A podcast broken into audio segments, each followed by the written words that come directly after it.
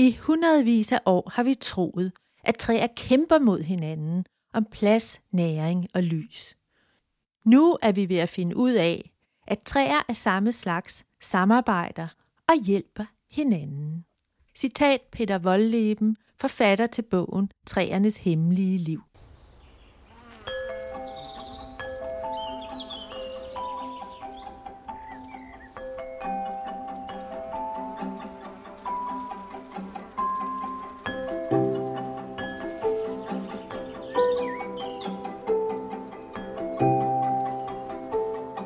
Velkommen til episode 3 af Grønne Fortællinger.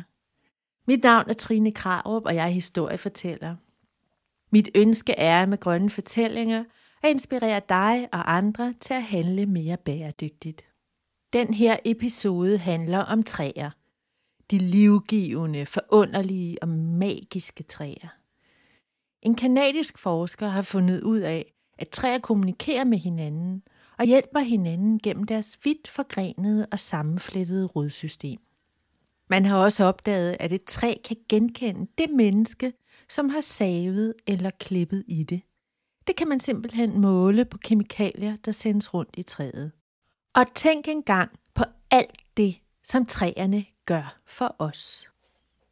De omdanner CO2 til ilt, så du kan trække vejret. De renser vand og luft, og så giver de mad og husly til milliarder af bittesmå insekter, smådyr og fugle rundt om i hele verden. De stabiliserer jorden og forhindrer ørkendannelse, og de køler i en alt, alt for varm verden. Endelig virker skove og træer beroligende på mennesker, og mange søger ud i skoven for at finde ro, når de er stressede. Du skal høre tre forskellige historier i dag. De handler alle sammen om træer. En af dem er et estisk folkeeventyr, der handler om en doven fyr, som hed Miko, og som det alligevel gik ret godt, indtil han en dag blev lidt for doven og lidt for overmodig. Så skal du høre en historie om et gammelt lindetræ, som jeg selv har lavet. Men allerførst skal du lytte til en virkelig og drabelig historie om verdens måske allerførste naturforkæmpere. Begivenhederne fandt sted i den nordvestlige indiske stat Rajasthan i første halvdel af 1700-tallet. Så hent en kop te eller kaffe og sæt dig godt til rette, hvis du har mulighed for det, for her kommer dagens første historie. God fornøjelse.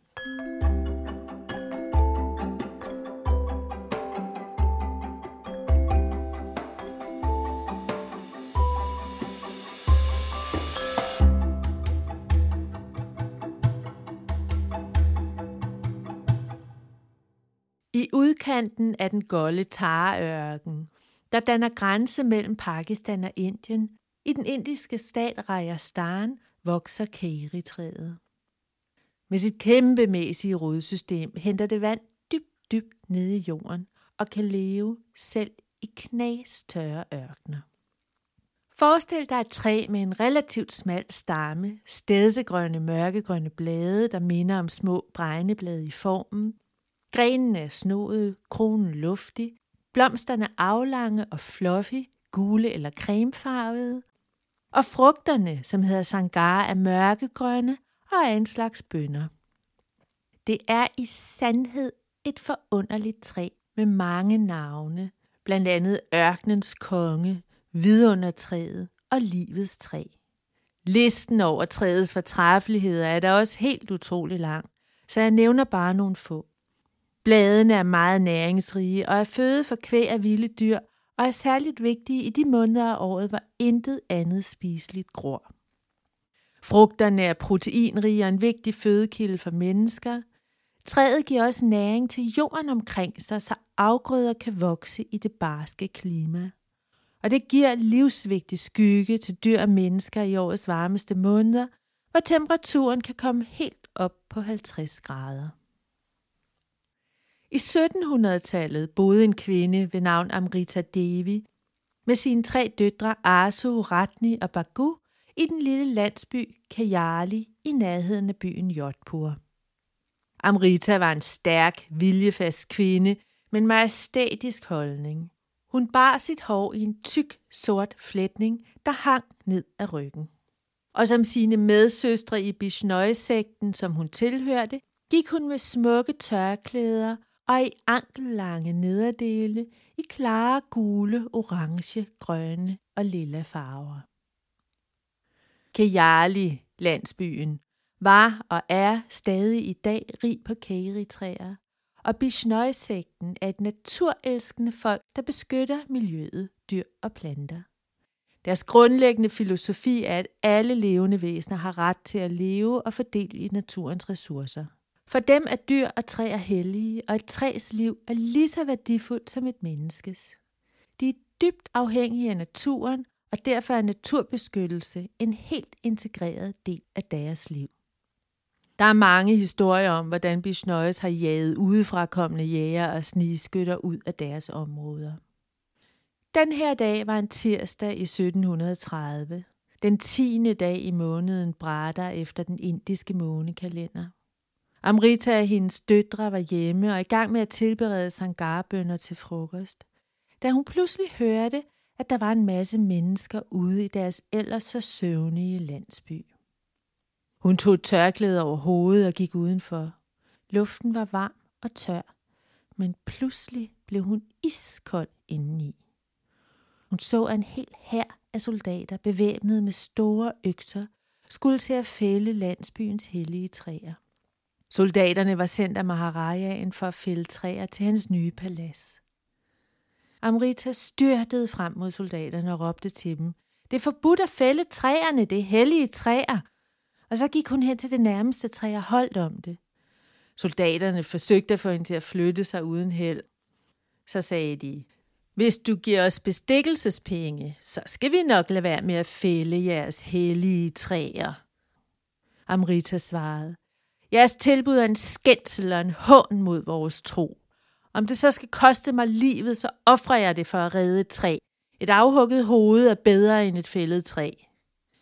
En soldat svingede sin økse og huggede hovedet af Amrita. I stedet for at flygte, kom hendes tre modige døtre styrtende til. De gjorde som deres mor og skyndte sig at omfavne træer for at beskytte dem. Men soldaterne var nådesløse og huggede også hovederne af dem. Nyheden om blodsudgydelserne og fældningen af træerne bredte sig som en steppebrand til de nærliggende landsbyer. Bishnøjes fra nær og fjern strømmede til for at beskytte træerne, og på den måde kom de også til at ofre deres liv, for soldaterne fortsatte deres massakre. Da dagen var omme, var i alt 363 Bishnøjes blevet myrdet i deres fredelige og ikke voldelige forsøg på at beskytte de hellige kæritræer. Efter det frygtelige blodbad vendte soldaterne tilbage til Jodhpur og fortalte Maharajaen, hvad der var sket. Han blev forfærdet og drog med det samme afsted til landsbyen for personligt at undskylde til folket. Det gjorde dybt indtryk på ham, at træerne var så vigtige for det her folk, at de var villige til at ofre deres liv for dem.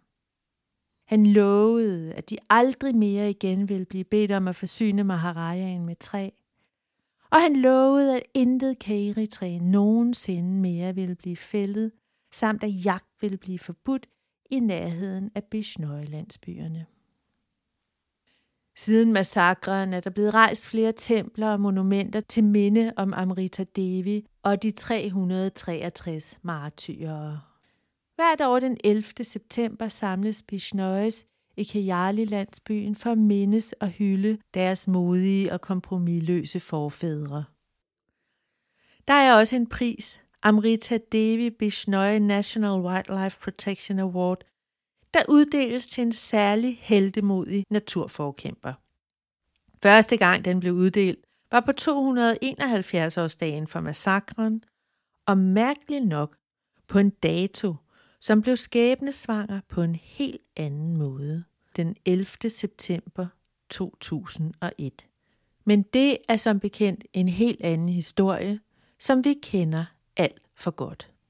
Bishnøj-folkets skove nær Jodhpur er stadig rige på kæritræer og vilde dyr i dag. Landskabet her er grønnere end andre steder i Rajasthan, og de vilde dyr i området, primært indiske antiloper og gazeller, er ikke bange for mennesker og ses ofte i eller i nærheden af landsbyerne.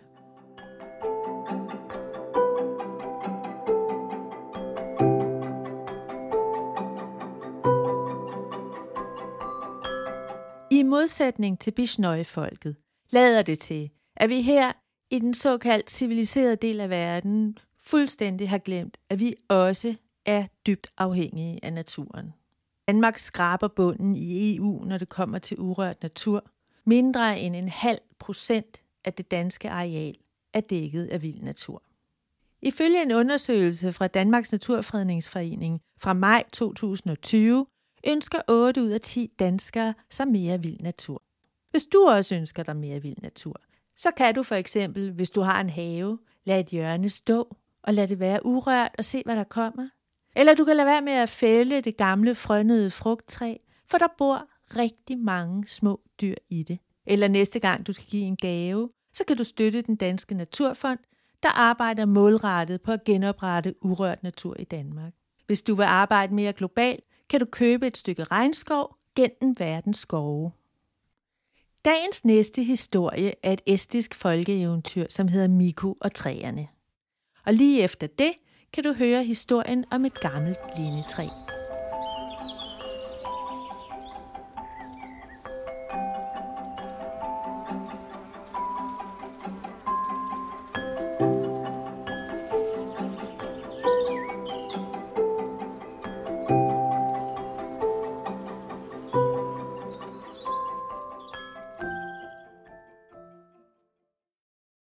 En dag skulle Miko ud for at hente brænde. Han kunne have været gået ind i skoven og samlet nedfaldende grene. Men det gad han ikke. Det var alt for besværligt. Så i stedet for besluttede han sig for at fælde det første og det bedste træ, han så. Han løftede sin økse og svingede den mod træstammen. Huk! Stop! Stop! råbte træet. Lad være med at fælde mig. Hvad? Et talende træ, sagde Miko. Hvorfor skulle jeg ikke fælde dig? Ser du ikke, hvad jeg er for et træ? Jeg er et birketræ. Du bruger min bark til kurve og mine kviste til koste. Lad være med at fælde mig. Du har ret, sagde Miko. Birketræer er faktisk nyttige træer.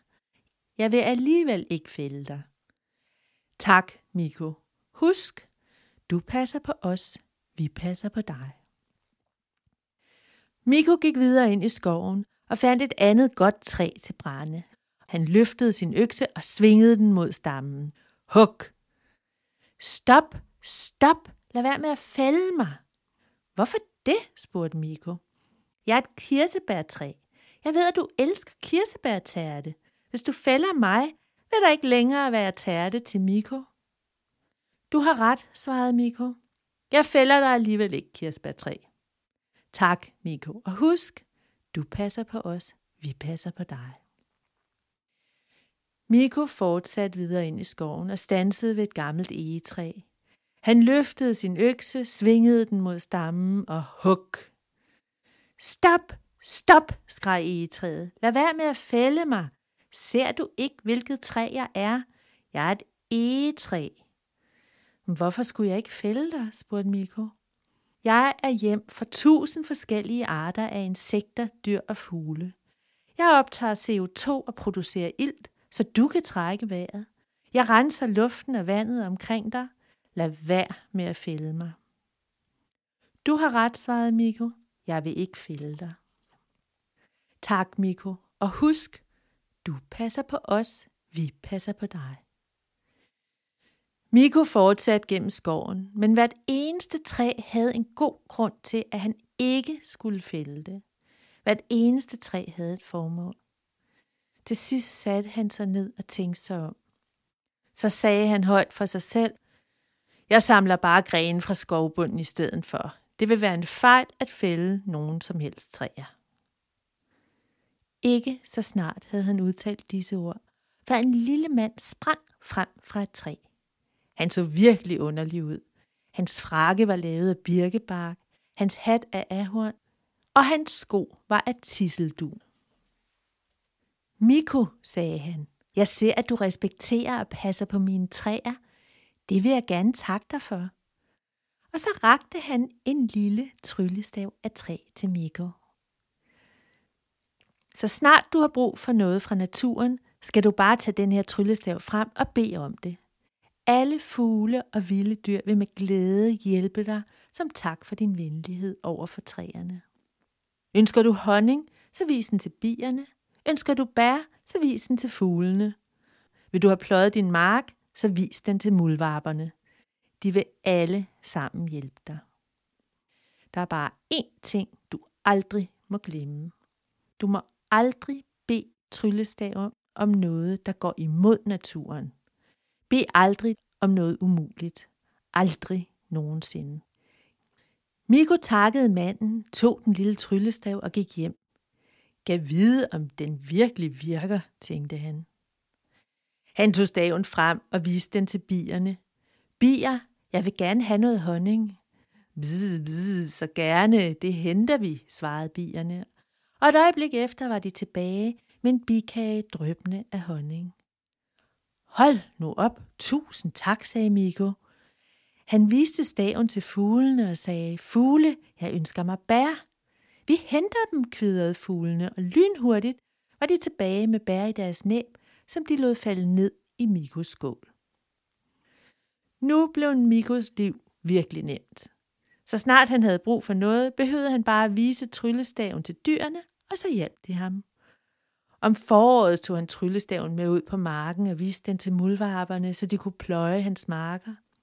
Så gerne svarede mulvarperne, og de gravede og gravede, til hele marken var pløjet. Så viste han tryllestaven til myrerne og sagde, Myrer, jeg vil gerne have sået mine frø. Så gerne svarede myrerne, og pilede afsted og såede alle frøene. Mikos liv var virkelig meget, meget nemt. Han blev vant til at kommandere, han blev rig, og han blev doven, og han blev stolt, og han blev pralende. En vinterdag var Miko ude at gå tur. Det var en streng vinter, og det var en meget, meget kold dag. Himlen var grå, og vinden bidende. Miko havde koldt vejr. Han var blevet så vant til at få alting på sin måde. Så uden at tænke sig om, trak han sin tryllestav frem og holdt den op mod himlen og sagde, Sol, kom frem fra skyerne og skin på mig. Jeg ønsker mig varme, varme, varme. Straks spredte skyerne, og solen begyndte at skinne. Den stråler brændte ned på Miko, og han blev varmere og varmere. Solens intense varme var kun rettet mod Miko, og sap med et var han borte. Der var intet tilbage. Ikke engang tryllestaven. Siden den dag har træerne aldrig mere talt til noget menneske. Men man siger, at hvis du vandrer i skoven om natten og lytter godt efter, så kan du høre dem viske højt oppe mellem trækronerne. Du passer på os, vi passer på dig. Du passer på os, vi passer på dig.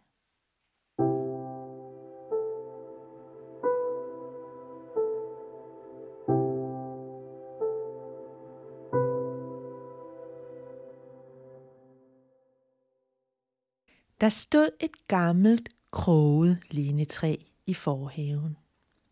Oppe i træet havde Karl sin hule. Det var sådan en rigtig fin hule med gulvbrædder, vægge og tag. Der var også et lille vindue. Karl elskede sin hule. Hver dag, når han kom hjem fra skole, så puttede han saftevand og kiks ned i sin rygsæk, og så kravlede han op ad rebstigen og satte sig deroppe mellem træets grene og blade. Der var sådan et dejligt, lidt mørkt, grønligt lys, og han kunne høre, hvordan bladene raslede i vinden. Nogle gange, når han sad derop, så skete der noget mærkeligt.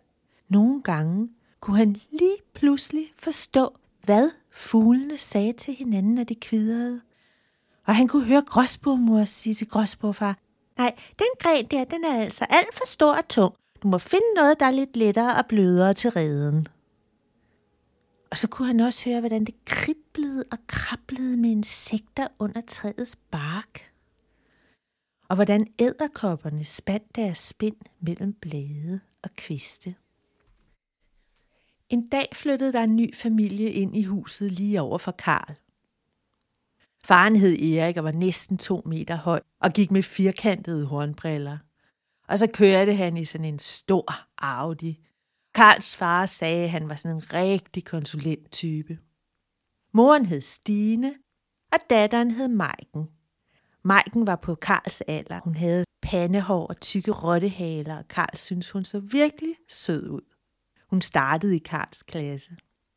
Og en dag spurgte han hende over i skolen, om hun havde lyst til at komme med op i hans hule. Det ville Maiken rigtig gerne. De skyndte sig hjem efter skole, smed deres tasker i entréen og kravlede op ad rebstigen op i hulen. Maiken synes også, der var virkelig hyggeligt. Hun kunne godt lide, at lugtede sådan af mos, og hun kunne godt lide at sidde deroppe sammen med Karl. Så sad de og sludrede og hyggede sig og spiste kiks og drak saftevand. Karl spurgte, om Maiken også kunne høre og forstå, hvad fuglene sagde, og høre, hvordan det kriblede og krablede under barken i træet. Marken sagde, det kunne hun godt. Det kunne hun overhovedet ikke, men det var lige meget. Hun ville så gerne kunne, og hun syntes, det var så hyggeligt med Karl. En dag bankede Erik Markens far på over hos Karl. Karls mor åbnede døren og sagde, Jamen goddag Erik, hvordan går det? Har I fundet jer til rette i det nye hus? Og Erik sagde, ja, men det går jo godt. Vi er jo næsten færdige med renoveringen, og vi har også fået sat terrassen i stand. Men jeg kommer egentlig for at gøre dig et forslag. Det store træ i forhaven, det skygger nemlig for aftensolen. Så jeg ville tilbyde, at vi kunne fælde det på vores bekostning, og så ville I jo også få meget mere lys og luft til jeres hus. Hvad siger du til det? Åh, oh, jo, sagde Karls mor. Det kunne hun jo godt forstå, at de gerne ville have sol på terrassen, men hun, hun måtte lige tale med sin mand om det, og så skulle hun nok vende tilbage. Nogle uger efter hørte Karl pludselig sin mor sige til sin far ved morgenmaden. Det er så i morgen, at de kommer og fælder det store træ i forhaven. Karl stivnede. Hvad?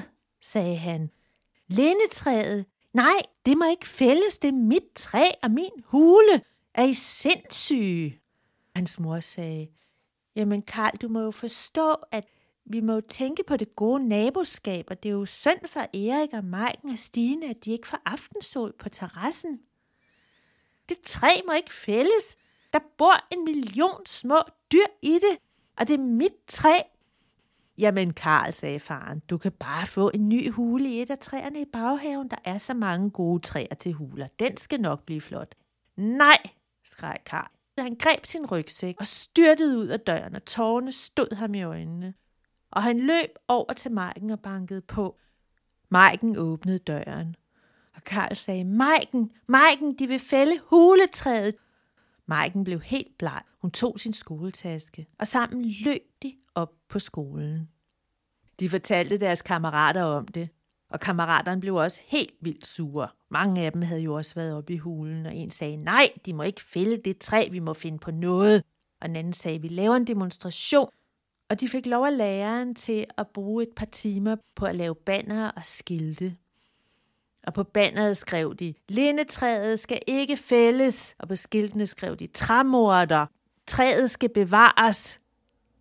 Og da Erik kom kørende hjem i sin store fede Audi den eftermiddag, så han en hel masse unger ude på vejen foran sin indkørsel og steg ud og så alle banderne og børnene, der stod og råbte, træet må ikke fælles, træet må ikke fælles. Ej, unger, smut hjem med jer. Hvad er det, I laver hjem? Det, det træ angår ikke jer. Smut hjem med jer til jeres far og mor og lav jeres lektier.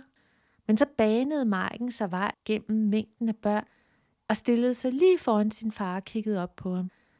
Far, du må ikke fælde det træ. Er du fuldstændig sindssyg? Det er det bedste træ i hele verden, og det er vores træ. Store tårer løb ned af hendes kinder. Erik kiggede ned på sin datter og sagde, Jamen lille Majken dog, jeg vidste jo slet ikke, at det træ var så vigtigt for jer. Træet blev aldrig fældet. Og faktisk er Erik og Stine rigtig glade, fordi det skygger så dejligt i de varme sommeraftener på terrassen.